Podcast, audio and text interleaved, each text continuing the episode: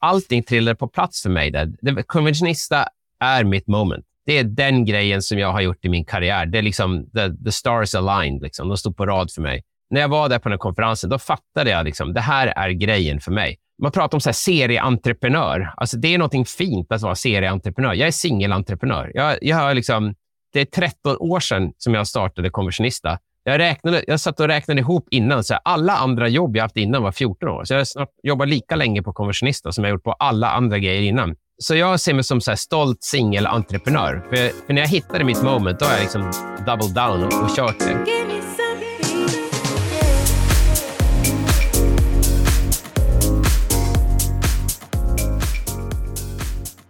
Det där var John Ekman och det här är ett nytt avsnitt av Digital marknadsföring med Tony Hammarlund. En podd där jag intervjuar några av Sveriges främsta branschexperter och marknadsförare. Det här blir ett lite annorlunda avsnitt, men ett jag verkligen hoppas och tror att du kommer gilla mycket. För det görs många poddar och poddavsnitt om entreprenörsresor, men något det sällan pratas om är byråer och hur man bygger en framgångsrik sådan. Så jag bjöd in John Ekman som är grundare av Konversionista, Sveriges ledande byrå inom konverteringsoptimering, som idag har över 90 anställda på fyra kontor. Konversionista förvärvades 2017 av byrån Curamando och ingår idag i byrågruppen ARK. John själv är dessutom en av Nordens främsta experter inom konverteringsoptimering och en väl anlitad talare. Jag tog med mig massor från mitt samtal med John och det är jag säker på att du kommer göra också. Oavsett om du jobbar inhouse eller på byrå och du behöver inte ha planer på att starta än. John och jag pratar i avsnittet om resan han har gjort med Konventionista, allt från var idén kom från och hur byrån fick sitt namn till faserna man gått igenom från starten 2010 fram till idag och varför han sålde Konfessionista samt Johns 10 principer för att bygga en framgångsrik byrå. Du får bland annat höra om hur Konfessionistas marknadsstrategi har sett ut, varför han anser att tankeledarskap är så viktigt, fördelarna med att starta företag sent i karriären, varför han tidigt tog in en extern VD, vad det innebär att vara marketingledd på riktigt och varför han säger att allt gjordes baserat på 100% magkänsla, plus en massa mer. Du hittar som vanligt länkar till allt vi nämner i poddenlägget på tonyhammarlund.io, så du behöver inte anteckna. Och efter länkarna hittar du även tidsstämplar så att du enkelt kan hitta tillbaka till olika sektioner i intervjun. Om du har följt podden ett tag så lyssnar du kanske då jag intervjuade TikTok-proffset Alexander Morad i avsnitt 99.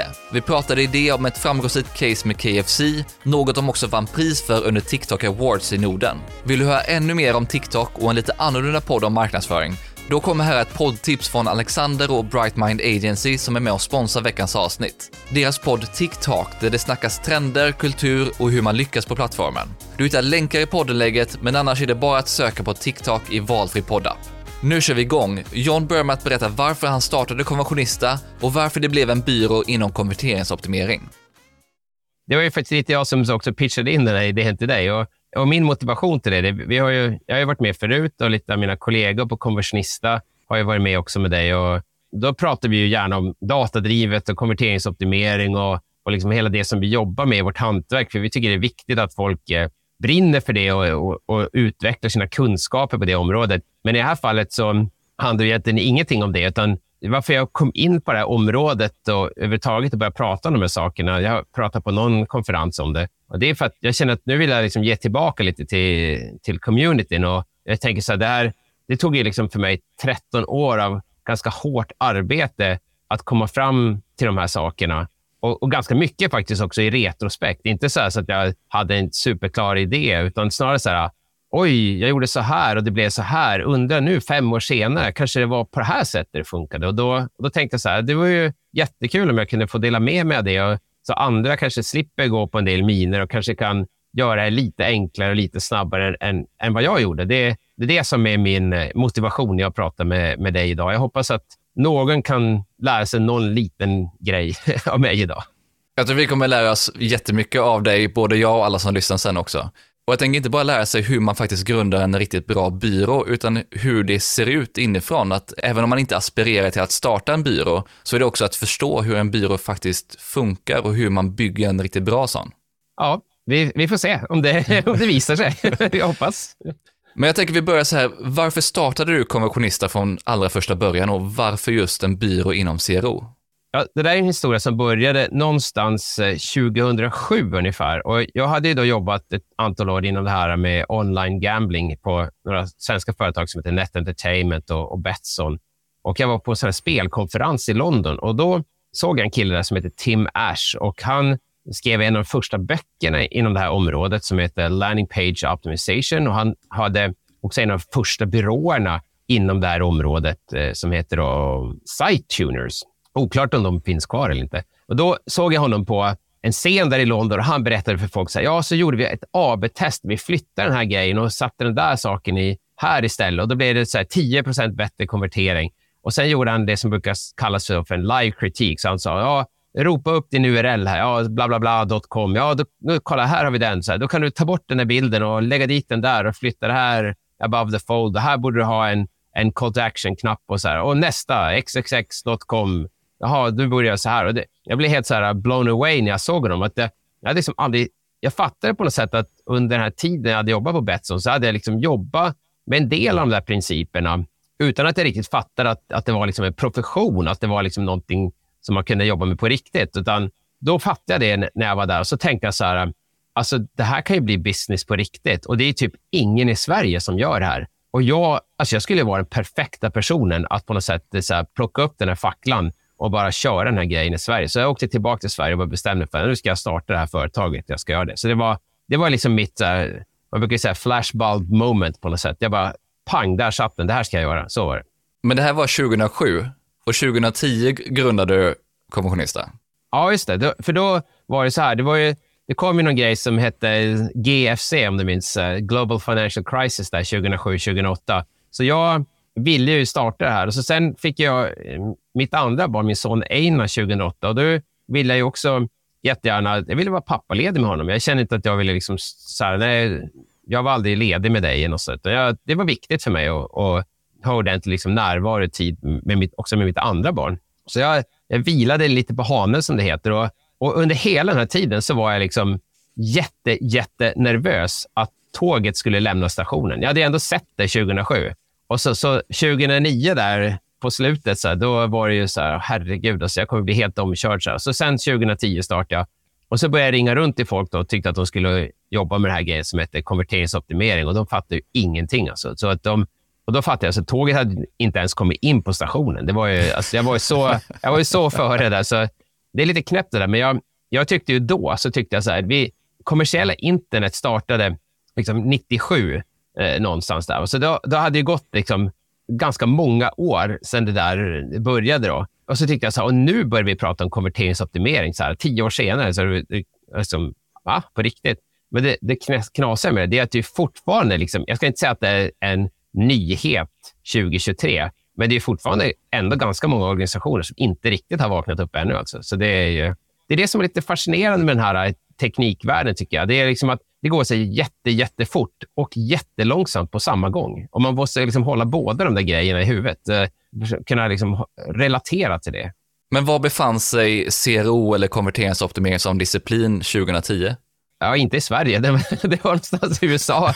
hade, det, hade det där börjat hända grejer. Men 2010 hade det inte hänt någonting. Så jag, jag minns att en av de första grejerna jag försökte göra då, Eh, vi kommer ju komma in på det här med, med eh, thought leadership eh, om, om ett tag kanske. Och eh, jag tänkte så här, ja, men jag, jag, måste liksom, jag måste vara sån här evangelist. Jag måste missionera för det här med konverteringsoptimering. Och jag började då kontakta lite konferensarrangörer och tyckte att nu ska jag vara på scen här och berätta om den här nya grejen som kommer som heter konverteringsoptimering. Jag minns också att en av de större konferenserna som jag försökte pitcha in det här till, som jag sen också blev just den första jag pratade på, Eh, då träffade jag redaktören eller moderatorn, konferencieren för det där. Jag tror vi käkade lunch tre gånger innan han liksom fattade vad det var jag höll på med. Och då, det var ändå en person som var ganska insatt liksom, i det digitala. Men det, eh, jag minns att i början så höll jag på, jag berättade för någon, så jag håller på med konverteringsoptimering. Jag tror att de blev lite lurade av det ordet, konverterings, alltså det andra ordet, optimering. För då förklarade jag, det fungerar så här. Man, da, da, da, da, da, da. Så lyssnar de noga så här, och så sen efter en minut så säger de, ja, alltså typ som att vara högst upp på Google. Jag bara, nej, inte alls som att vara högst upp på Google. Det, var, det, det tog ganska lång tid innan vi, innan vi, vi kom över den barriären, kan man säga. Hur kom du fram till namnet konversionista? Ja, det var en, det var en väldigt eh, weird eh, process. Den gick till på det här sättet. Jag, jag tror att det tog lite inspiration kanske av site tuners. Alltså site, du ska liksom ha en sida, en webbsida, du ska tuna den så det blir lite bättre. Och då registrerade jag en massa domäner som hette så här, konverteringsdoktorn, konverterings... Eh, man var verkstaden, konverterings... Ja, massa så doktorer och verkstäder och vad det var för någonting.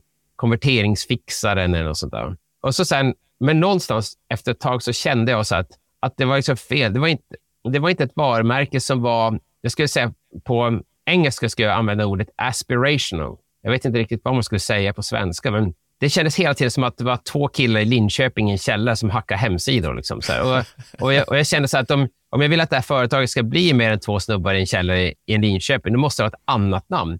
Och sen, då gick namnprocessen till så här. Vänta, jag ska tänka. Vänta, vänta, vänta. Kommissionista! Ah, där satt det. Liksom. det bara, jag fick det liksom som en spark. Så där, bara. Jag bara kom på det. Och, och tanken med namnet är ju att det är två delar. Det innehåller ordet conversion, så det har liksom en relevans för det vi håller på med. Och sen innehåller ändelsen ista, som kommer liksom från något så här, sandinista, fashionista, barista, som, som antyder någon slags här, passion. Och jag tror, att, jag tror att det prickade väldigt, väldigt rätt med det där. Det är ett namn som är lite jobbigt att säga. Så man får stava det när man ringer och ska boka någonting. och så, där. så det är lite jobbigt. Men när, när liksom poletten trillar ner för folk, de fattar liksom den kombinationen av conversion och ista, så det är som att många fattar den här liksom passionsgrejen och poletten trillar ner. Och, och, så jag tycker nog att det har varit ett väldigt bra namn faktiskt, som jag bara kom fram till genom ren inspiration. För du drog igång Konventionista så har du också varit med i ett par andra bolag. Du har jobbat, som du var inne på, inom spelindustrin och du har varit med i Kon Medielab och så vidare. Mm. Vilka är de främsta insikterna som du har tagit med dig från de här bolagen och andra projekten som du varit med i? Det är ett, det är ett podcastavsnitt i sig. men, jag, men jag, för att summera så tror jag lite grann så här. Jag, jag, jag hade, mm, det var en kille som kom upp och ville snacka med mig för ett par veckor sedan. Och, eh, han hade då en idé om att eh, starta liksom en, en byrå inom, inom CRO, men liksom inom en nischad del, kanske mer mot eh, hur man jobbar med optimering inom, i, i produktteam. Och så diskuterade vi olika sätt man kunde ta sig an och det där och, och olika sätt. Och, och, och, jag tyckte så att om du vill få råd av mig hur man ska göra, om du ska följa min modell. Det finns en massa andra modeller också, men du ska, om du ska ta råd av mig, då, då tycker jag det är viktigt att du hittar liksom din nisch där du kan vara tankeledare, där du kan säga så här, jag är bäst på det här. Och sen börja utifrån den liksom baspunkten och bygga utifrån det. Så börja med att hitta din, din startpunkt där. Och, och så pratar vi fram och tillbaka om det. Det var lite som att han inte riktigt hade... Vi, vi kom inte riktigt fram till det i det här samtalet. Och då sa jag till honom så här, bara, vi pratade på engelska och då sa jag till honom, well, maybe it just isn't your moment yet.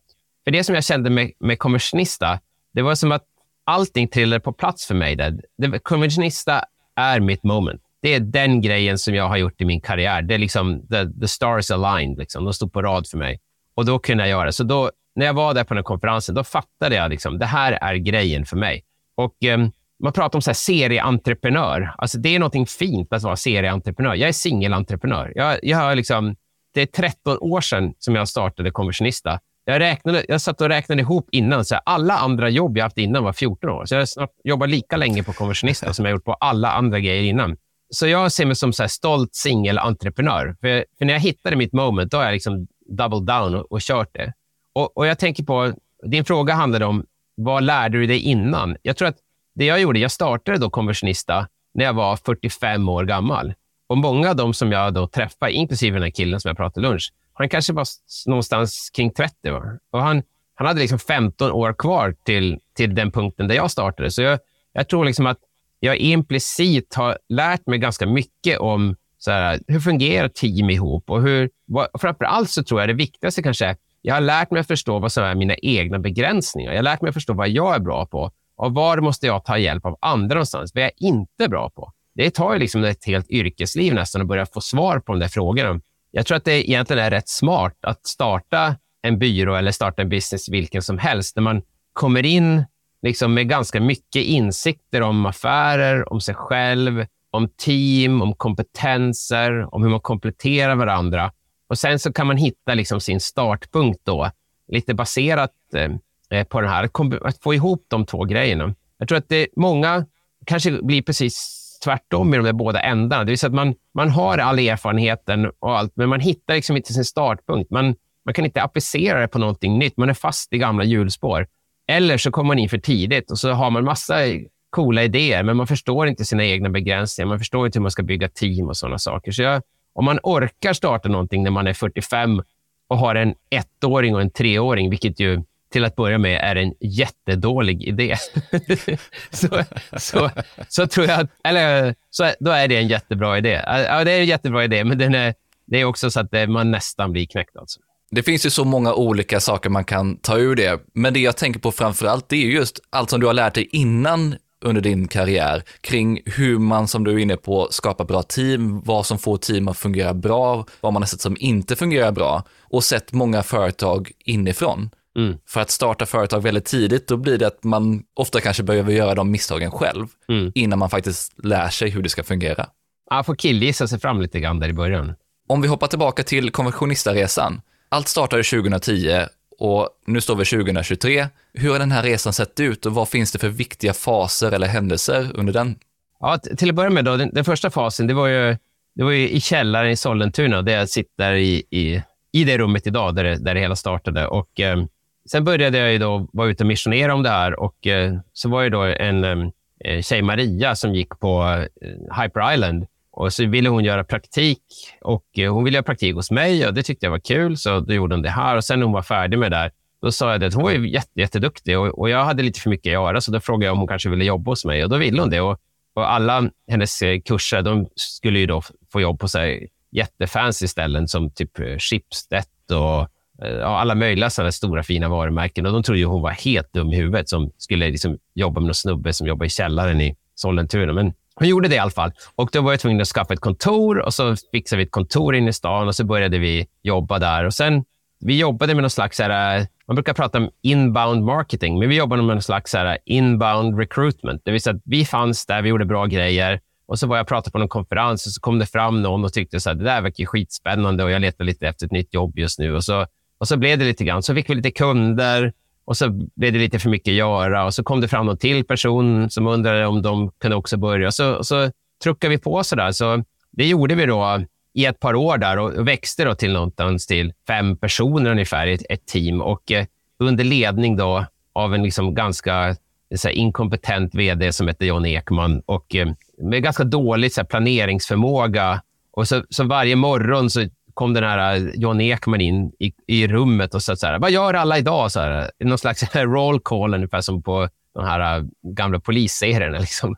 Ingen riktig horisont eller någonting sånt där. Och då, men någonstans där, då, då, då tänkte jag, jag fick en insikt där som var så här, jag, jag har aldrig varit chef för mer än fem personer i hela mitt liv. Så där verkar liksom min, där verkar jag ha min, mitt tak är där vid fem personer. Så, och då tänkte jag så här, ja, men vänta, om jag ska bli mer än fem personer i den här konversionista-grejen, då måste jag ju ta in en annan vd. Och då gjorde jag det. Så då, det blev ju alltid så här, allt, alla sådana grejer är ju tillfälligheter. Så jag käkade lunch med en, en, en kille som jag hade jobbat med lite grann. Så där. Han hade varit leverantör till mig som hette Magnus Svanblom. Vi käkade lunch och just den dagen, han var vd för ett företag och eh, de skulle sälja. Så vi käkade lunch. Han skulle precis gå och skriva på papperna för hela affären och efter det skulle han vara klar som vd där. Och då när han håller på, är på väg ut genom dörren så sa men du kanske ska bli vd hos mig. Typ så här, ropade jag lite efter honom när han gick eh, ut. Så där. Ja, ja, vi hörs, vi hörs, men jag ska iväg nu.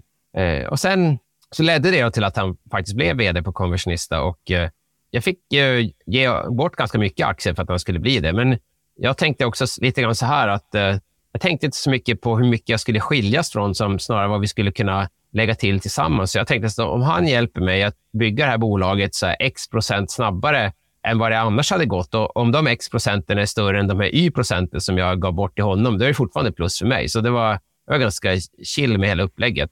Vi förhandlade faktiskt inte ens, utan han sa jag, jag skulle vilja ha så här mycket. Och Då sa jag ja, det är okej, okay, det låter bra. För jag tänkte då skapar jag motivation för honom också.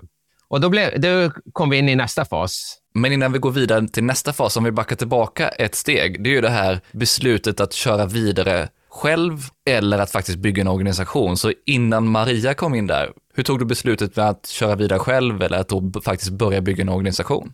Det beslutet måste jag liksom tyvärr erkänna att det var inte ens ett riktigt beslut. Det var liksom så här, bollen var i rullning och jag, jag hade lite för mycket att göra vid den tidpunkten och tänkte att det skulle vara en bra avlastning att få in en person till. Och Det verkade en liksom bra lösning här och nu. Jag vet inte riktigt vad jag vill med det här egentligen, men det, det löser ett problem som jag har här och nu. Och Sen tror jag också lite grann, apropå det är jätteviktigt att, att, tänka efter så här, vad är det man själv egentligen vill. Vad är det som motiverar en att göra det här som man gör? Och inte bara lyssna på omvärlden, vad omvärlden tycker är bra grejer man ska göra. Och här måste jag erkänna att det, det var inte jag särskilt bra på det, utan det finns ju också någon slags så här, att det är bra att växa ett bolag. När man växer är det, ja, men det är jättebra. Och så, och så i min närvaro här i Sollentuna då, så, så var man liksom, man hämtar på dagisar och så sen, hur går det nu? Så, ja, men vi har precis anställt en till, så vi är fyra stycken nu. Så, ah, fyra stycken! Wow, vad coolt! Gud, vad bra det går för dig, John. Så och så får man så här, klapp på axeln hela tiden när, när, man växer och då, då blir det lite grann, det är liksom lite grann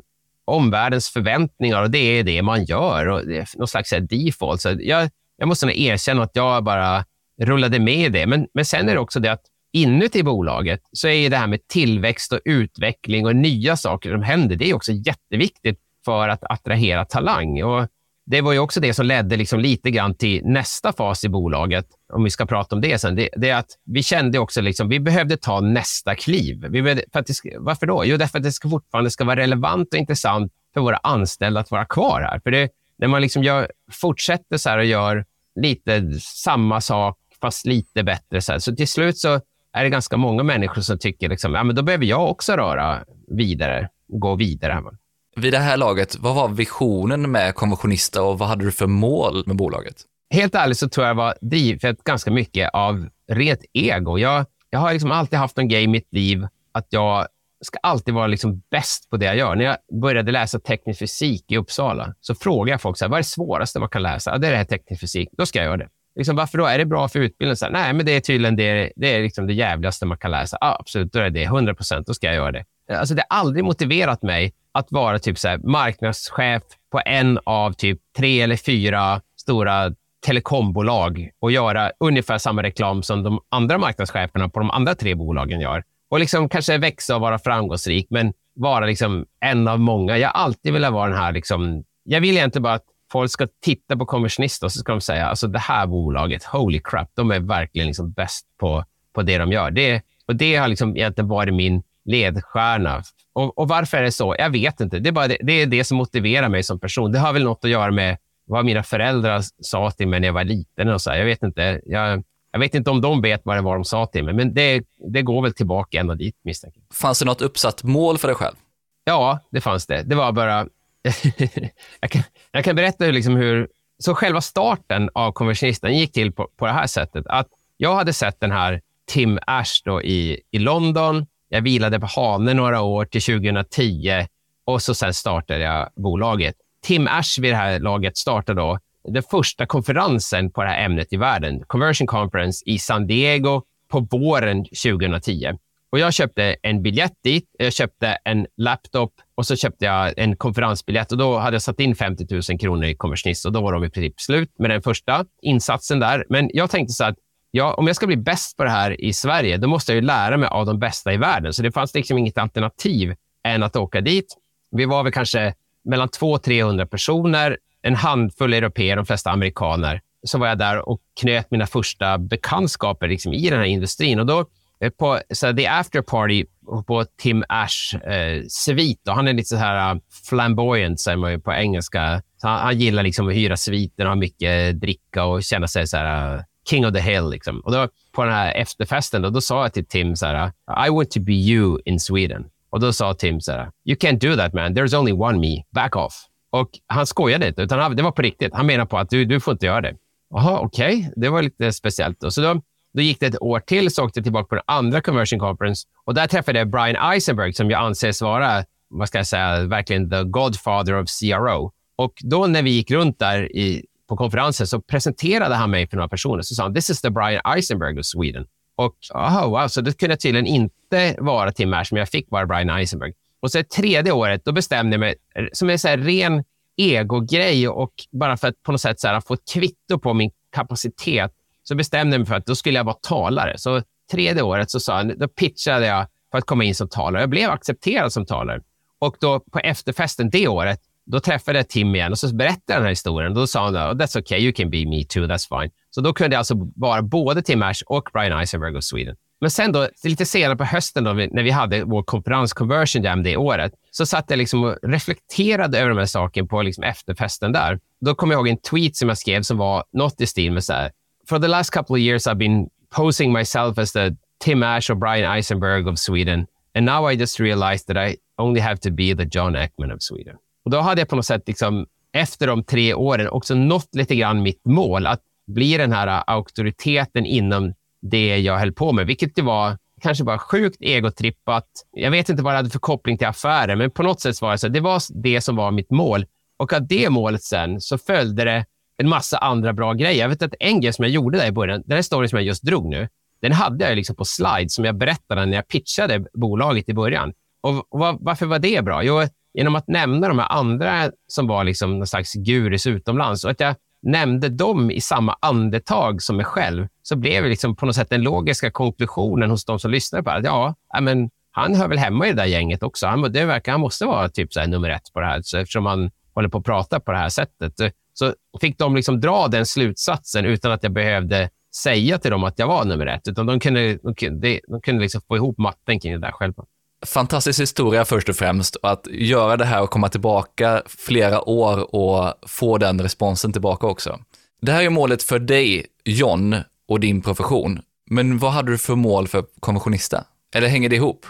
Ja, men det hänger absolut ihop. Och, och eh, jag tänker så här, om man bygger ett tankeledarskap inom det här området, inom det här som vi håller på med, då kan man sedan bygga vilken som helst business på det tankeledarskapet. Så om jag är den främsta tankeledaren inom konverteringsoptimering, då borde jag ju sen kunna starta ett SaaS-bolag. Jag borde kunna starta ett konsultbolag. Jag borde kunna gå ihop med någon som har andra tjänster. Jag, eh, jag tänkte att man skulle kunna göra vad som helst, men att man börjar med tankeledarskapet. För, för jag tycker att ganska många egentligen ser på det precis tvärtom. Det vill säga att vi ska, börja, vi ska starta en konsultfirma där vi ska ha hög debiterbarhet och vi ska tjäna pengar. Och sen efter ett tag så kom jag på, för att växa vår modell längre, så jag var på en konferens och hörde någon prata om tankeledarskap. Då kanske vi skulle kunna lägga till ett mål om tankeledarskap och så sen då måste vi anställa marknadsförare som känner till lite grann om det vi gör, men som vi sen kan skola upp så vi kan få det här tankeledarskapet inom det. Så, får, gör man det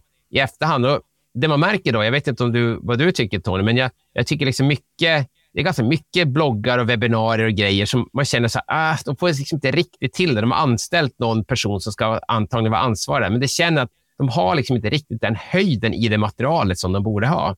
Och Det är därför som jag känner hela tiden, börja med tankeledarskap, sen bygg vilken business du vill som helst på det. Så de, de, de hänger ihop. Och sen, det är en konsultbusiness. Varför då? Ja, det är egentligen bara det som kallas för, på engelska för availability bias. Det är det som är enklast att göra. Det, det är inte så hög kapitalinsats. Det är, liksom, det är så här, äh, pengar in, pengar ut i lön och så en viss marginal på det och så kan man anställa några till.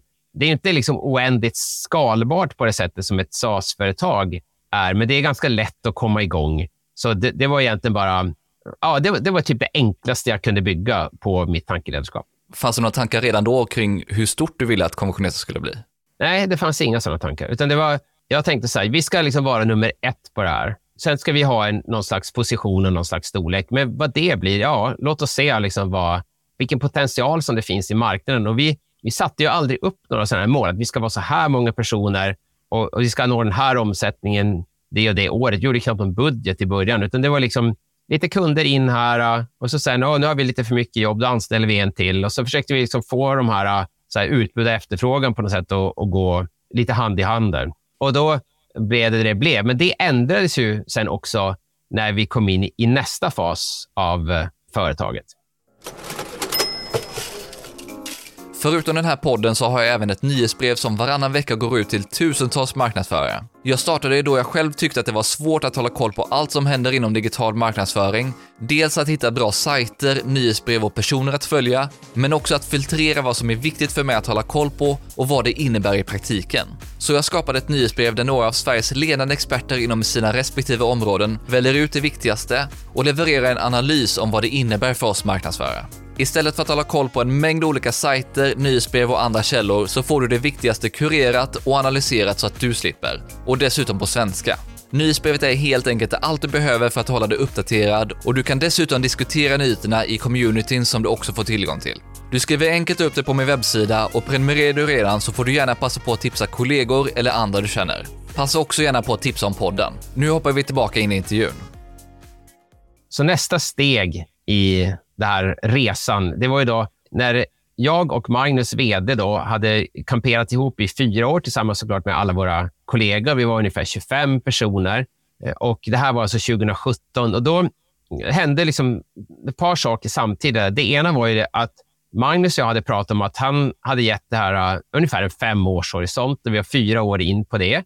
Och det var också lite grann att vi kände i organisationen att vi kanske behövde liksom ta något slags här, nästa steg, som, som jag pratade om här lite tidigare. Att det här med tillväxt, liksom, det, det handlar också om att ge de anställda en slags mening, att det här pekar någonstans, att det inte bara är här och nu, så att säga. Och Sen var det, för att vara helt ärlig, så jag hade då slitit i sju år sedan grundandet och jag var, jag var väldigt, väldigt sliten. Och jag var, liksom, jag var väldigt mycket på väg att bränna ut mig helt enkelt. Och, eh, och jag kände lite grann så att jag, jag har liksom lite grann ett val nu, att om, om Magnus eventuellt skulle sluta och vi måste rekrytera en ny vd, det kommer att vara jättemycket risk i det. Eller om jag själv skulle försöka köra vidare som vd, det skulle också vara jättemycket risk i det. Jag pallar inte det. Så nu har jag liksom det här bolaget som är konversionista, som är typ 25 personer, som har ett visst värde. Och om jag inte passar mig nu, då kommer jag köra i diket här. Så, så jag hade lite grann den motivationen här också. Då, sen hade jag ju då, under ganska många år så hade jag träffat då Mattias Olofsson på Curamando. Som, vi träffades i princip en gång om året och varje år så ville han köpa konversionista. Och jag, varje år så sa jag nej. Och, och, jag gjorde det med den motivationen att, eh, att jag tyckte att eh, ja, men det där är någon slags så management, digital marknadsföringsbyrå, vilken som helst. Jag fattar inte riktigt vad de gör eller varför de är annorlunda än någon annan. Men jag har ju det enda företaget i Norden av någon liksom väsentlig storlek som håller på med det vi gör. Så jag sitter med trumf på hand här. Så varför ska jag liksom... Nej, det verkar ju jättefel av mig att jag ska så här, vika ner mig nu. Utan nej, vi kör på ett tag till. Och så varje år när vi träffades så hade han alltid växt liksom ännu mer än vad jag gjorde. Och, vilket var så här, otroligt förbryllande för mig. Men det jag förstod det var helt enkelt så att Curomando var mindre unik än vad jag var. Men de hade, deras så här, addressable market var ju liksom oändligt mycket större. Så vi var liksom nummer ett på en liten, liten, liten nischmarknad och de var en av flera på en jättestor marknad. Och därför så växte då Mattias mycket snabbare än vad jag gjorde. Och eh, sen då började vi prata om det här och, så, och eh, så här, till slut så, så blev det affär av det hela. Och då kom vi in på det här, det jag sa, vad som ändrades när vi gjorde det. För att Mattias och Kurmand, de har ju alltid då sagt så här, vi ska vara, ja, nu är vi så här 10 och sen om, på slutet av året ska vi vara 20 och sen ska vi vara 30 första halvåret. Sen ska vi ta en liten paus där och ska vi konsolidera. Och sen ska vi liksom göra en ny spurt upp mot 50. Och så ska vi, alltså, de hade alltid en plan över hur de skulle växa. Och Vi var lite grann så här, ja, vi anställer en till och finns det någon kund så anställer vi en till till. Så, så då kom vi liksom mer in i deras modell för företagets tillväxt. Så det ändrar, just den grejen ändrades ganska mycket där. Du har berättat lite om varför du valde att sälja och att det var en bra time att börja den här processen. Men varför blev det då Curamando? Jag skulle säga att det, det här är en, en grej som är superviktig för den som är entreprenör och när man gör den här typen av transaktion. Och det är det att man måste i grunden förstå vad är det jag vill ha ut av det här. För det finns så mycket saker, så här, hur man gör, hur man ska gå tillväga. Man kan läsa checklistor och bloggartiklar och what not och höra på en podcast om hur man gör den här affären och hur man får mest pengar. Men man måste, som entreprenör måste man sätta sig ner och så måste man fundera på vad är det jag vill ha ut av det här? Och Det var faktiskt någonting som jag tänkte igenom väldigt mycket, och, och men också använde väldigt mycket magkänsla. Det här poddavsnittet eh, handlar om så här, så bygger du en datadriven byrå 100 % baserat på magkänsla. För det var också ganska mycket magkänsla i de här besluten. Och, och framförallt, så här, vi, det finns ju ganska mycket forskning som visar att vi människor motiveras ganska mycket av eh, att undvika smärta och det här som kallas för loss aversion. Så vi kan egentligen prata och börja med att prata med vad var det jag ville inte skulle hända. Och jag tycker, liksom, med tanke på stoltheten som jag känner för det här varumärket Konversionista som jag har varit med och byggt och det jag ville uppnå som person, så kände jag så här, Tony, om du tänker om du lyssnar på folk som har, har gjort en exit, så här, kanske något, speciellt då i en byrå. Jag sålde min byrå till så här, byrånätverk. Ja, men hur funkade det då? Ja, det blev, vi fick en så här, två, tre års earnout eh, och så kämpade vi som bara den för att få upp lönsamheten så vi kunde liksom maxa ut vår vinst efter det där. Och så pratade med någon annan så här, vad hände med de där konversionisterna egentligen? Ja, men efter deras Örn, så död, vd, han grundaren, han drog väl. Han gör inte han något annat nu tror jag. Och sen de i ledningsgruppen, de skingrades ju också efter det där var klart. För de hade ju liksom lite optioner och aktier och de cashade in på det. Nu har de startat sin egen byrå. Och sen alla de bra anställda, de, Jag vet inte vad det blev. Jag, det var länge sedan jag hörde något om det. Jag vet inte, finns de kvar ens? Liksom. Den, den storyn tycker jag har hört jätte, jättemånga gånger. Det som var min främsta motivation tror jag var, jag ville inte höra det om mitt eget företag som jag hade satsat så, så mycket blod, svett och tårar på att bygga upp. Så jag tänkte så här, hur gör jag affären som har störst sannolikhet att det ska finnas liksom en långsiktighet för det här fina varumärket som jag älskar som heter Conversionista. Och då bedömde jag det att i den här konstellationen med Kuromando så hade jag den största möjliga chansen att det skulle hända. Och sen tittade jag bara på andra sidan bordet, så tittade jag på de som satt där, som hette Mattias Olofsson, Andreas Berglund och Oskar Ivarsson framför allt. Och så tänkte jag så här, är det här de människorna som jag vill jobba med i resten av mitt yrkesverksamma liv? För jag tror ärligt talat inte jag kommer göra så mycket andra grejer efter det här. För jag är 58 nu. Jag börjar närma någon slags så här utcheckningsläge efter jag är klar med det här Conversionista Ark. Och så tänkte jag så här, ja, men jag tycker det här verkar vara riktigt, riktigt bra människor att jobba med. Man ska ju tänka, jag ska ju liksom gå till jobbet med de här människorna i ganska många år efter det här. Så om man tänker så, då är det väldigt viktigt vilka de här människorna är, va? eller hur? Så personkemi med dem. Och det är ju det är verkligen magkänsla om något. Så, och så sen efter vi hade annonserat den här affären så fick jag lite telefonsamtal och någon som pingade mig på LinkedIn som sa, men John, vad har du gjort? Liksom? Har du gått och sålt konversionista utan att prata med oss först? Alltså, vi hade säkert kunnat betala mycket, mycket mer.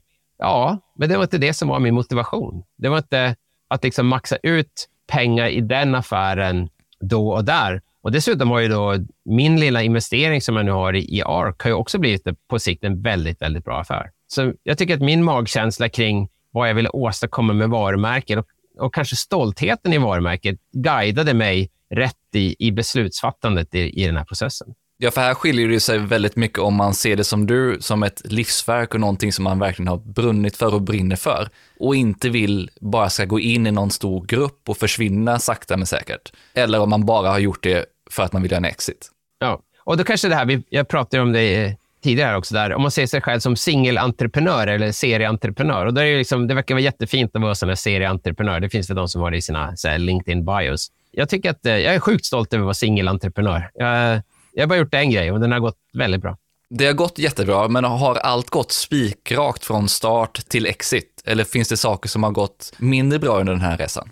Ja, jag tycker att alla saker som inte har gått bra har vi oftast varit relaterade till att det är alltid svårt att hitta i personkemin med, med matchen med olika personer. Och, och det som har, tycker jag varit de största utmaningarna kanske har varit att ja, man, vi har anställt någon där, där man liksom inte riktigt matchen har funnit och man har inte kommit överens. Och sen har man fått backa ur det där och sen i, i vissa fall har det blivit under ja, mindre kamratliga former än man skulle ha önskat. Man har kanske blivit osams om, om det sättet. Så jag tycker mycket så att förstå den processen av de personer som man väljer att, att jobba med, tycker jag, det blir lite så här äh, ett steg framåt och ett steg bakåt lite grann. Det är ju lite grann när man är en så konsultbyrå, så då, då växer man ju på något sätt med sina kunder. Åt det håll där ens kunder går, liksom, där går man själv. Så det blir inte så här väldigt mycket dramatiska skift. Jag tänker på när man, om man, gör, om man har till exempel ett SaaS-bolag, då brukar man ofta prata om att man är en pivot. Liksom. Att man ska liksom ändra sig från helt att gå mot B2B till att gå B2C istället, eller tvärtom och sådana saker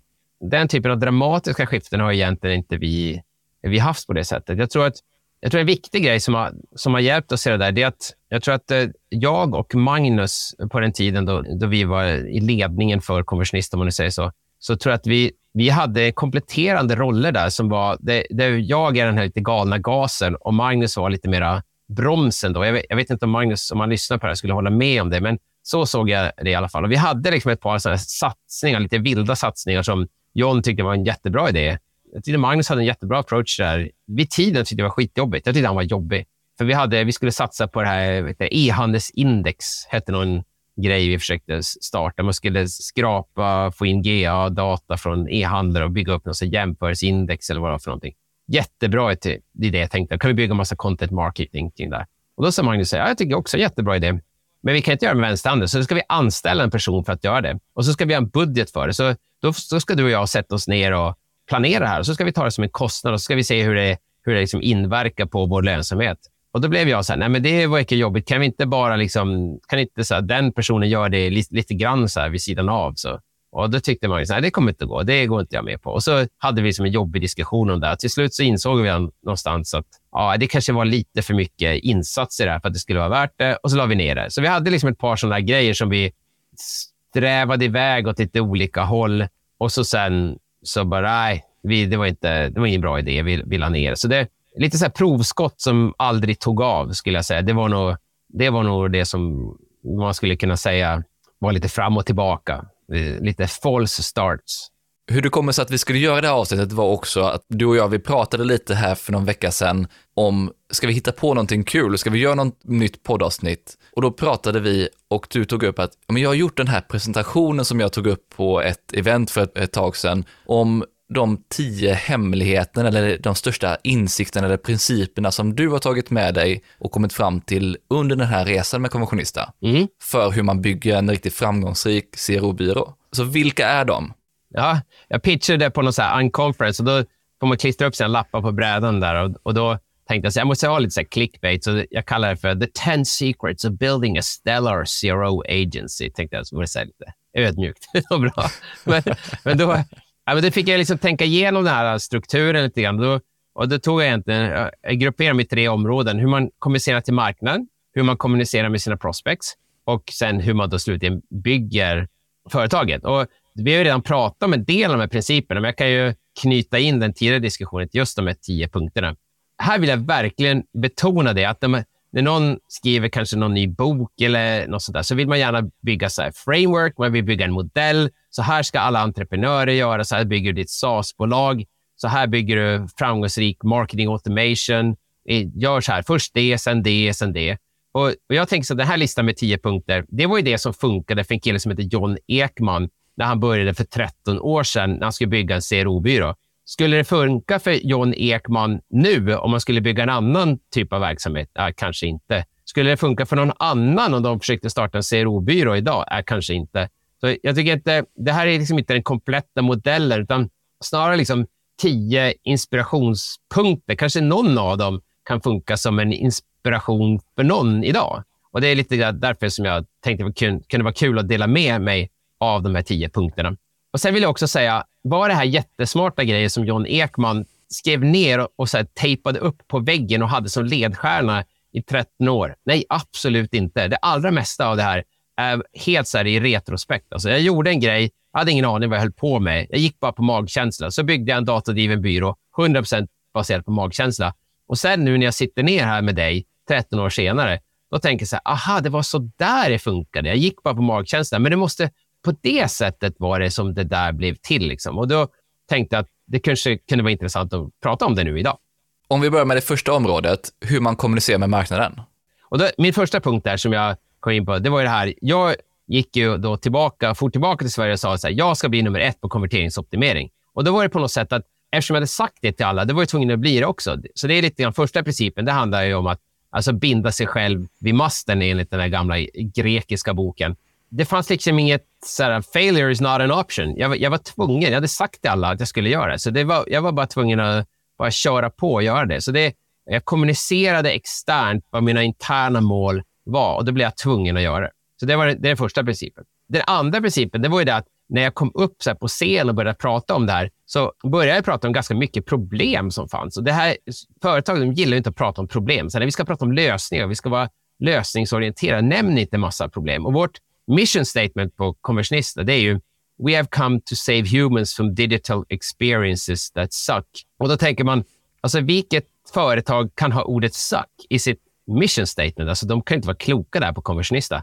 Och det fanns ju konferensarrangörer som tyckte så här, ja, vi kan inte sätta den där galningen John Ekman på scen. Han, han kan ju komma upp och hålla på och dissa några av våra kunder. Det funkar inte. Liksom. Så han, får, han får hålla sig borta därifrån. Men det jag har märkt när jag, när jag har gjort det där, det är att när man pratar om de här problemen, så de allra flesta som jobbar i digitala organisationer, de vet redan om de här problemen. De känner till det, de, det skaver, liksom, men de vet inte riktigt vad de ska göra åt det. Och då när man pratar om att vi fattar också de här problemen, då tycker de så här, ah, kolla, det är någon till där ute som känner samma som vi känner, som också har en insikt i den här problematiken. Så här, vi kanske borde prata med dem, för vi verkar liksom dela den här bilden av vad som funkar och vad som inte funkar. Jag har ju varit på konferenser folk har tagit upp telefonen och stått och filmat det jag säger och sen har de kommit fram efteråt och sagt tack ska du ha. Nu ska jag ge det här till min chef och visa liksom, att det är inte bara jag som klagar över de här grejerna. Så det tycker jag var en, en jätteviktig del i vår kommunikation. Jag tror att, än en gång, alltså, det var inte det, det, var först efteråt som jag fattade hur det här funkade. Det var, det var bara någon så här magkänsla. Det, var, det är så vi gör. Och den tredje punkten, det är ju det, som, det har vi varit inne på. Att börja jobba med tankeledarskap och sen baserat på tankeledarskap så kan du sen bygga liksom vilken business som helst baserat på det.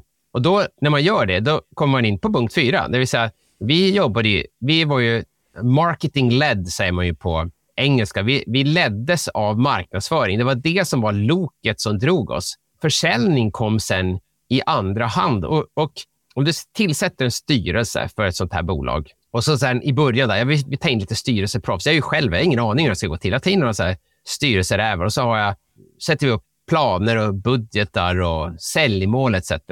Och, och där är det ganska vanligt att så här, hur går det med försäljningen? Hur fokuserar ni på försäljningen? Jag gjorde precis tvärtom. Så här. Jag var ute och pratade om den här nya grejen som heter konverteringsoptimering. Och då blev det på något sätt att när folk hörde det tillräckligt mycket, då trillade äpplet ner. Och eftersom det i princip i början bara fanns vi på marknaden så kom ju också de allra flesta till oss. Så en viktig insikt för mig är att när man jobbar i ett nytt område, då är det du som bygger marknaden. Istället för att fundera på vad är vår unika take, vår USP på det här området konverteringsoptimering? Alltså i början spelade det ingen roll. Det viktigaste är bara att vara ute och prata jättemycket konverteringsoptimering hela tiden. Så alla hör konverteringsoptimering, konverteringsoptimering, konverteringsoptimering. Du bygger marknaden och sen när du bygger marknaden och marknaden växer jättemycket, om du då är marknadsledare, då kommer du liksom få din automatiskt mer eller mindre din förtjänande del av den här marknaden. Så det tror jag var en, en viktig insikt för oss och den var, måste jag säga, den var väldigt medveten. Det var, det var inte något så som jag hittade på i efterhand, utan det var verkligen så här, nu ska vi bygga den här marknaden. Och Konversionista är ju en CRO-byrå och ni var väldigt ensamma när ni startade och ni är fortfarande ganska ensamma om att vara så nischade. Men om du skulle vara en bredare byrå, om du skulle vara Curamando, mm. skulle det här fortfarande vara sant?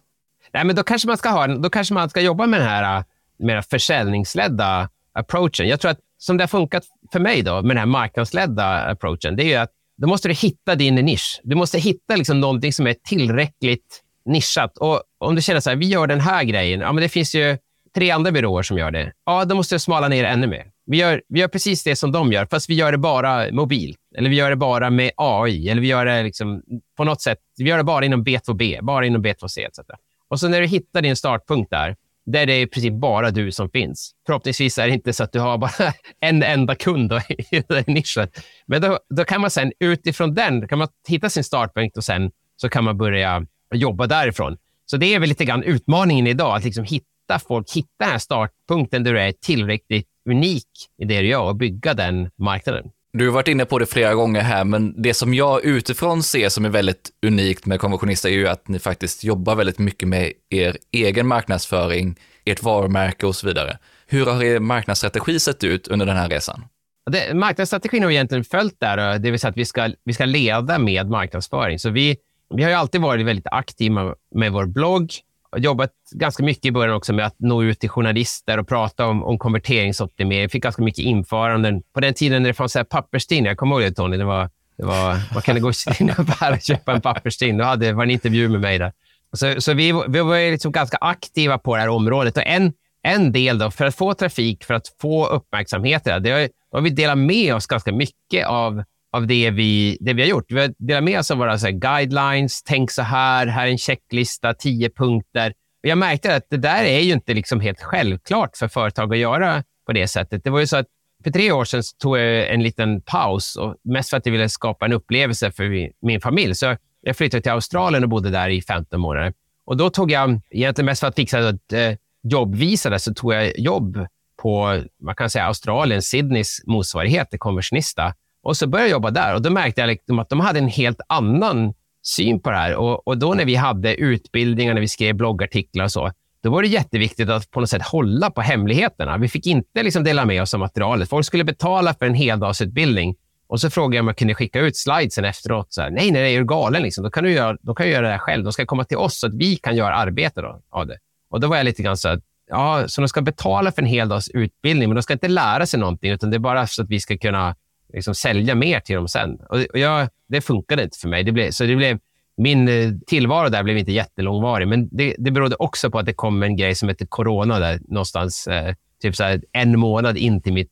jag jobbade på mitt nya jobb. Där, så det hade väl en, en del i hela. Men det, och det är ju liksom en sån kulturell grej. Att det är svårt att jobba med content marketing. Det är svårt att bli thought leader om du inte samtidigt delar med dig av väldigt mycket kunskap. Och det, och det har vi hela tiden gjort. Och, och jag tror att en, en av de saker som vi har gjort i vår marknadsföringsstrategi, det är att det kommer lite senare, här princip nummer åtta, säger jag. Det är att, liksom, att man håller sig till sin, till sin kärnverksamhet. Men, men vi har ju liksom hållit oss till konverteringsoptimering, fast i många olika former. Det vill säga att vi har, vi har ju då konsulttjänster, men vi har ju också eh, en utbildning som heter Conversion Manager som typ snart 400 personer har gått. Och Sen har vi också vår konferens, Conversion Jam, som vi gör en gång om året. Som gör, gör faktiskt comeback nu här i, i oktober, så det ska bli väldigt kul. Och sen slutligen har vi då vår blogg och andra artiklar som vi bjuder på. Så det är lite grann så att oavsett vad man har för budget så, så kan man alltid liksom hitta någonting där, där man kan få lite hjälp av konversionister. Och det, och det tror jag är en viktig del med tankeledarskap. Man kan inte, man kan inte vara tankeledare om man inte samtidigt är bjussig. Det skulle jag säga är omöjligt. Något annat som skiljer ganska mycket det är att det är ganska mycket John, eller har varit ganska mycket John i er kommunikation. Hur har du eller hur har ni försökt balansera det här John kontra konventionista? Det har inte varit lätt. Om vi, om vi tittar på vår hemsida och mycket av vår kommunikation så har vi den här lilla superhjälten, så här, conversion superhero. Så alltså, gud vilken diskussion det var. Ska det här se ut som John eller ska det inte se ut som John? Det är jättebra att det ser ut som John, för det, folk känner igen John. Ja, men då hänger vi upp hela företaget på John. Vad, det, vad händer om John slutar? Och företaget, konversionisterna, måste kunna växa borta för John. Så det där tycker jag, jag måste säga, jag har faktiskt inget riktigt bra svar på den frågan, annat än att det har varit en, en stötesten. Att det, det är liksom en tillgång på samma gång som det är lite grann en belastning. Och vi har ju också så aktivt försökt att bygga andra personer som också kan ta plats på scen och, och, och vara med i, i bloggar och podcasts etc. Men det har också, också varit lite svårt därför att det var så här, men vi vill ha John, han är så bra, han får komma tillbaka hit istället. Och så kanske folk har haft lite så här, ah, det är svårt att ta upp, komma upp på scenen, för man får alltid stå i skuggan av den där John etc. Så att det, jag tycker det, det, har inte varit, det har inte varit oproblematiskt. Och, och framför allt så brukar jag ju säga så här att om, när frågar mig hur vi ska göra, så säger jag du får fråga någon annan. För att jag är den minst kvalificerade personen att ha en åsikt i den här frågan. Därför att jag är så inne i det. Så det är, det är otroligt svårt att, för mig att se på det på något nyktert och balanserat sätt eftersom jag liksom själv är en, en del av den här problematiken. Som Brian Eisenberg brukar säga, you can't read the label from inside the bottle. Jag tyckte bara det var jättekul att höra dina tankar kring det, för det är någonting som jag har reflekterat mycket kring, både John konventionista och sen också det här som du var inne på, det här ganska lekfulla, superhjältar och så vidare, hur ni har tänkt kring det. Om man jämför då med väldigt många andra byråer som är ganska professionella, det är väldigt fyrkantigt om man ska vara hårdare. Det är väldigt få som har det lekfulla sättet som ni har. Jag brukar ibland säga så att konversista, det är den så företagsliga inkarnationen av John Ekman. Det var lite svåra ord där. Men alltså, om, om John Ekman vore ett företag, då vore det konversionista. Och, och jag är ju ganska lekfull. Jag tycker om att bryta regler och konventioner. Jag har alltid varit sån där rule breaker. Jag vill, om någon säger så här, det, du, ni, alla ska gå åt det här hållet. Ja, bra, jag går åt det andra hållet. Jag, eh, och lite grann den här presentationen också, de här tio punkterna det är ju kanske inte de vanligaste tio punkterna som finns på en lista, utan jag, jag känner att jag kan bidra med det som jag gör annorlunda än vad alla andra gör. Och Därför har ju också hela företagsbygget blivit väldigt, väldigt personligt. Och det, min familj har ju också varit helt integrerad ett tag. Så mina barn har ju spenderat jättemycket tid på kontoret. Jag, jag hade som en hobby att samla på så här, visitor badges från från olika kunder vi hade varit hos. Så, så jag har massa, jag har en hel låda där det står Saga Ekman och Einar Ekman och så står det så här Skandia, Spotify, Tele, alla möjliga ställen jag har varit med mina barn. Är det bra eller dåligt? Borde alla andra göra så? Jag vet inte. Det funkar för mig. Jag tycker det är kul och det var ju mitt företag. Jag fick ju bestämma. Så det var min, det var min magkänsla. Det var så jag ville ha det. Jag ville, ju, jag ville bygga ett företag där jag själv kunde jobba. Jag ville inte bygga ett företag för att jag skulle tjäna pengar och att jag skulle hata företaget så jag kunde sälja det. Jag vill ha ett företag där man kunde trivas, där jag som person kunde, kunde trivas. Det var jätteviktigt för mig. Då är vi på punkt fyra. Om vi går till punkt fem, vad är det för något? Ja, nästa avdelning, hur man kommunicerar med prospects. Och vi var inne lite grann på det. Vi har, vi har en grej som, den fattade jag först efteråt. Eller det var, det var kanske faktiskt var lite grann Magnus som införde det här. Och Det var det här att aldrig säga nej till en kund. Att alla personer förtjänade ett bemötande. Det här punkt, punkterna fem och sex hänger ihop lite grann här. Det vi gjorde, så här, det var verkligen så här, det var en värdering som Magnus kom in med. Man, man, alla personer förtjänar ett bemötande. Och om man tittar igen på den här styrelsen som berättar så hur man ska jobba med sin försäljning, då är det viktigt att ha en så lead scoring och så ska man bara jobba där man har högst sannolikhet att stänga en affär i närtid. Och så tittar vi, så har den här personen mandat? Har den här personen budget att fatta ett beslut? Massa sådana jätteviktiga grejer. Och Det där kan du höra på andra podcasts om och du kan läsa böcker om allting. Men vi gjorde så att alla personer förtjänade ett bemötande och vi sa aldrig nej till någon. Och Det man måste göra då, om man aldrig säger nej till någon, då måste man ha massa olika saker man kan erbjuda. Så när någon kom till oss och frågade så här, kan ni hjälpa mig med konverteringsoptimering? Absolut, 100 procent. Jajamensan. Lite beroende på budget så kan du antingen gratis gå in på vår blogg eller så kan du för typ 5 000 kronor gå på Conversion Dam. Eller så kan du för 50 000 kronor gå Conversion Manager. Eller så kan du för 500 000 bli vår konsultkund om man nu ska förenkla lite grann. Så vi lärde oss att aldrig säga nej till en enda person, men liksom styra dem i rätt riktning. Det går tillbaka till en gång när jag, när jag flög till USA. Och så checkade jag in och så sa jag så här, ja, jag undrar, så här, skulle man kanske kunna uppgradera till business class? Och då sa hon, då vred hon på sig där och, och så sa hon, ja, nej, men alltså du vet, alltså, ja, det, alltså, ja, jag vet inte, alltså, hur ska jag säga, alltså, det, vet, det, alltså nej, då, då måste du betala. Så, nej, nej, det går, måste betala. Och då sa jag, okej. Okay. Och så flög jag tillbaka från New York och så flög jag med samma flygbolag, samma policy gällde. Och så frågade jag så här, eh, could I get an upgrade to business class? Och då sa hon, of course sir, how would you like to pay for that? Det var liksom ett svar var nej, ett svar var ja, men det var egentligen samma sak som gällde. Va? Och, det, och det där har påverkat mig jättemycket. Jag praktiserar med mina barn också. Jag försöker hela tiden säga ja till dem. Fast jag bara liksom tweakar. Jag, jag definierar vad jaet är. Liksom. Einar frågar så här, pappa kan jag hjälpa dig att hugga ved när du, när du håller på med den där jättefarliga motorsågen? Liksom så här. Absolut. Det ligger där borta, tio meter bort, ligger lite så vedklumpar. Så här, ta, ta och lek med dem lite grann. Så kunna ge honom ett ja. Och i det här då, så här, punkt nummer sex, se personen, inte företaget. Gå också helt emot hur man, när man pratar om lead scoring, vi har våra key accounts, vi jobbar med account-based marketing för att nå de här kontona, vi vill in på de här stora företagen. Låt mig dra ett exempel. Där. Det var en person som jag inte vill namnge, vi kan kalla honom för Christer. Han jobbar på en, en online sportaffär och han kom tillbaka till oss många gånger och ställde en massa frågor om GA och det ena och det andra. Och han hade ingen budget, han hade för lite trafik på sin sajt. Vi fattade att han kommer aldrig bli kund hos oss. Och han frågade det och han frågade si, han frågade så. Vi hade ett kort telefonmöte. Så här.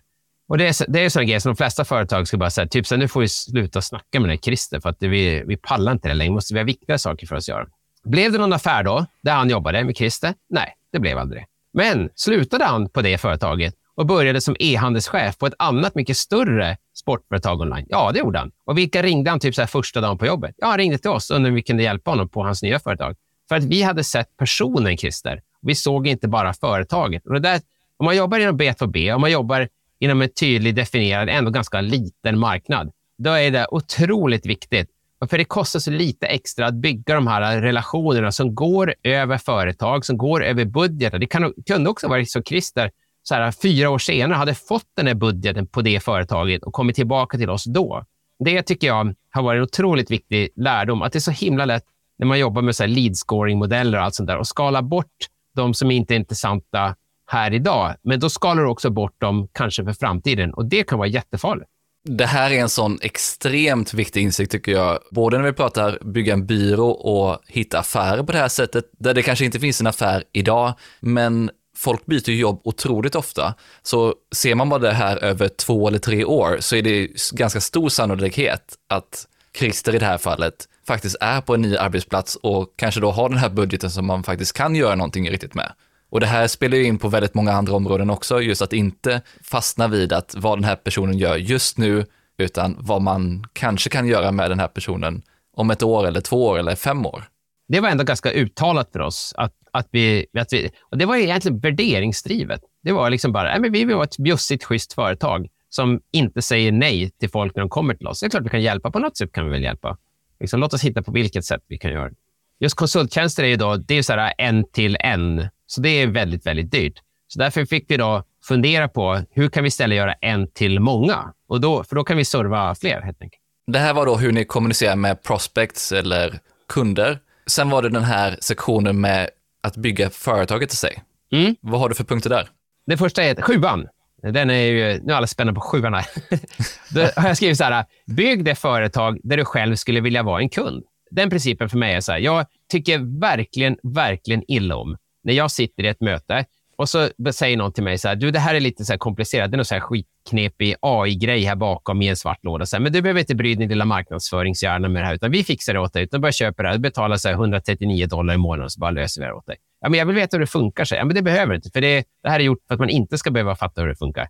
Ja, men jag vill fatta hur det funkar. Och, och därför har en viktig grej för mig har varit hela tiden att jag vill att våra kunder ska förstå vad det är vi gör för någonting så här behind the scenes. Så att mycket transparens och sen mycket det här. Jag är, ett, jag är ganska låg tålighet för så här corporate bullshit och eh, klarar inte av sådana saker. Så jag vill inte att vi ska vara sådana. Och därför att då känner jag så här, jag, här skulle jag själv kunna bli en kund. Och då tänker jag så här, om det finns tillräckligt många som är hyfsat lika mig, då borde vi kunna få tillräckligt många kunder. Och då blev det också liksom det företag som jag vill ha. Och eh, det är klart att det funkade ju för mig då. För någon annan kanske inte skulle funka lika bra, men det, det var en viktig punkt. Vi var inne på det här förut också, punkt nummer åtta. Att man håller sig till sin kärna. Vi har bara i princip hållit på med CRO, konverteringsoptimering. Och nu pratar vi också lite grann om growth, för det, för det hänger också ihop med det här. Men, men däremot har vi några gånger blivit lite så här, eh, vad ska jag säga, sugna på, då, speciellt innan vi gick ihop med Curamando, var vi lite sugna på att göra lite sökmotoroptimering, SEO. För vi fick lite sådana frågor, vi hade lite kunskap i det. Men det var också så att när vi berättade för kunder varför de skulle välja oss, så sa vi så här, ja, de kanske berättar för oss att vi pratar med en annan byrå här. De har de, de här två personerna som också kan jobba med CRO. Och då sa vi, vad kul, jättebra. En av de personerna har faktiskt gått vår kurs och den personen borde vara riktigt, riktigt bra.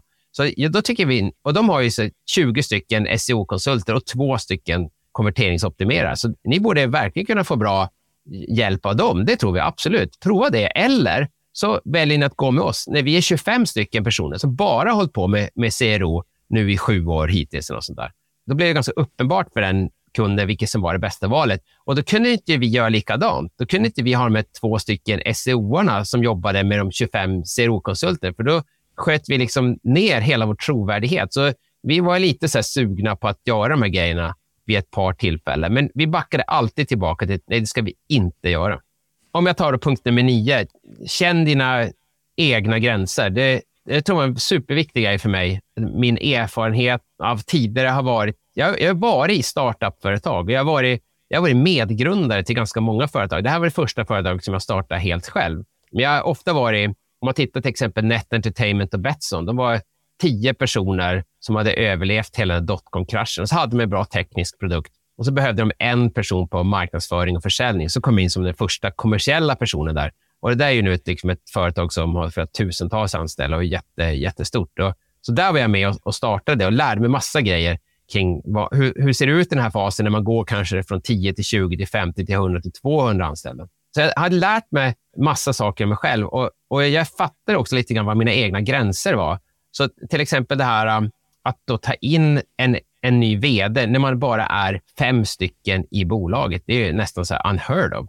Och Det kommer in på den sista punkten, att man måste bygga ett dag för vad vi vill skapa imorgon. Så jag kände ju det där. Jag, jag känner min gräns. Jag är ingen bra ledare. Jag är ingen bra vd. Jag, det, det är lika bra att säga det. Jag är ganska hopplös ledare. Jag är alldeles för flaxig och jag är inte strukturerad. Magnus han var så himla bra på det här. Om man skulle ha utvecklingssamtal. Då sa han dagen eller till och med dagarna innan så sa han, nu kommer inte jag vara på kontoret för jag ska sitta och förbereda utvecklingssamtalen. Och jag var ju så, när jag gick in i utvecklingssamtal, då, då, då rusade jag in en kvart innan och försökte öppna datorn och titta vad vi sa förra gången för ett år sedan. Och hade, alltså det var jättedåligt helt enkelt. Så jag kände var den här gränsen var. Så fattade jag, liksom, om det här är mina begränsningar, vad är det jag måste komplettera det med? Och det här punkt, sista punkten, då, bygg idag vad du vill skapa imorgon. En annan grej som vi gjorde, det var en av de första rekryteringarna vi gjorde efter Magnus hade startat, det var att ta in Jens som heltidsanställd HR-person och people and culture person. Så det var också 2014, då, 2013, 2014. Så han har varit med nu snart tio år på Konversionisten. Ta in en, en 100% anställd HR-person när man är typ fem stycken. Det, då skulle någon titta på det här. Alltså, är, ni, är, det så är ni helt slut i huvudet? Fattar du hur det kommer paja budgeten och er, er lönsamhet? Så, ja, men vi är vårt mål. Vi ska, ju vara, vi ska bli 25 och 50 personer. Då kommer vi behöva att ha den. Om vi ska rekrytera typ fem personer om året, då kan vi antingen betala den här personen den här lönen eller så kan vi lägga ut det på en extern som dessutom när de har intervjuer de går från intervju till intervju, så kan, de kan ju vårt bolag mycket sämre. De kan sälja vårt bolag mycket sämre. De fattar mycket sämre var de ska anställa. Så det här var ju ett, här, men ska vi växa med den här takten framöver, då kommer vi behöva den här personen. Vi, vi anställer den personen redan nu. Kommer det att paja vår lönsamhet i, här? Ja, absolut. Ja, men har vi någon styrelse som kommer bråka om det? Nej, det har vi inte. Men det går väl lite tillbaka till din första punkten här, att binda dig själv i masten. Även om inte syftet med den första punkten och insikten egentligen är det, så är det just att, att ha tagit in Magnus som vd och ta in Jens som jobbar enbart med HR och rekrytering. Då finns det ju bara ett sikte. Ja, men exakt. Då, får man, då vet vi vad vi har mot mål. Men vi var ju alldeles där att det ska, det här kvartalet ska det vara så många personer. Vi hade inte riktigt, riktigt den typen av detaljerade planer på samma sätt som vi har nu i Curamando och ARK. Eh, men däremot så, så vi fattade ändå någonstans ungefär vad siktet var inställt. Innan vi avslutar så vill jag också kolla, vad är du mest stolt över av allt det du har lyckats med med Konventionista och den här resan ni har gjort? Jag tycker på ett personligt plan så är jag mest stolt över allt för att vi just i, i dagsläget så är det typ 90 eh, familjer som, är, som får sin inkomst, i alla fall delvis, av det vi gör. Så vi är ganska många av våra som jobbar hos oss som har utkomster där. Och en del kom in liksom lite direkt från skolan, började bygga en karriär och har nu blivit stabila, kunniga medarbetare som kanske fortsätter ett tag hos oss och sen kanske efter det också får en bra startpunkt i sin karriär genom att ha jobbat på Conversionista. Jag tänker också på att vi genom åren har betalat ganska mycket pengar i skatt, säkert eh, flera hundra miljoner i skatt. Och eh, byggt en massa förskolor och vägar och vad man nu gör med skattepengar. Det tycker jag känns jättebra. Jag tänker på att över 400 personer, eller snart 400 personer, har gått vår kurs Conversion Manager och tagit med sig det som vi kan ut på sina arbetsplatser och hjälpt eh, digitala spelare i Sverige, digitala företag, digitala avdelningar att bli bättre på det de gör. Och de där sakerna, vi, det som har, känts viktigt att göra digitala erfarenheter som inte suger, som vi säger. Att det suger kanske lite mindre. Att vi har många personer som känner sig trygga, stabila, säkra i sina karriärer. Det är det som gör mig mest stolt. Och sen i slutändan så verkar det som att John Ekman tjänar en hacka på det här också och, och, och, har fått en egen karriär av det. Men på något sätt kommer det lite grann i, i andra hand, tycker jag. Jag är otroligt stolt över mina medarbetare och vad vi har åstadkommit eh, där ute. Och, och ganska mycket också det här eh, att folk genuint tycker om oss och tycker om vårt varumärke. Det, det är så här, ja, våra konverteringar gick upp liksom 15 procent, men så fick vi jobba med de där kaxiga idioterna. Liksom, så här. Ja, då är det mycket skönare och att den går upp 14 procent. Vi fick jobba med de där sköna människorna. Och sen har ni också faktiskt mer eller mindre byggt CRO som disciplin i Sverige i alla fall. Ja, men det, det, hade ju hänt i alla fall med någon annan, eller kanske lite senare. Men det är klart att det, det känns ju jätteroligt. För jag, varför jag gjorde det? Ja, för jag tycker det känns viktigt. Jag tittar på sajter. Än idag så kan jag sitta vid middagsbordet och ha någon rant och någon checkout som inte funkar. Och så säger min fru så här, men John, kan vi bara äta middag som vilken familj som helst utan att typ, ska vi hålla på med någon, någon sån här rant över det där. Liksom. Så jag, jag går igång på de där grejerna och jag, vill, jag ser saker som är fortfarande trasiga och jag vill fixa dem. Jag tycker inte om trasiga grejer. Stort tack för att du har lyssnat. Är det här första gången du lyssnar så hoppas att du gillar avsnittet och att du klickar på prenumerera i din poddapp. Då får du alltid en notis när jag släpper nya avsnitt. Och har du lyssnat tidigare och prenumererar så vill jag gärna höra vad du tog med dig i en kommentar, ett inlägg eller ett DM. Du hittar som vanligt länkar till allt vi pratade om i poddenlägget på tonyhammarlund.io, inklusive en bild med Johns 10 principer. Har du några frågor eller idéer för framtida avsnitt så är det bara att mejla på tony.hammarlund.io eller skicka ett DM på LinkedIn. Jag vill även passa på att tacka Mikael Lindberg på Better Waves som hjälper till med att producera den här podden och stå för musiken. Vi hörs snart igen i nästa avsnitt.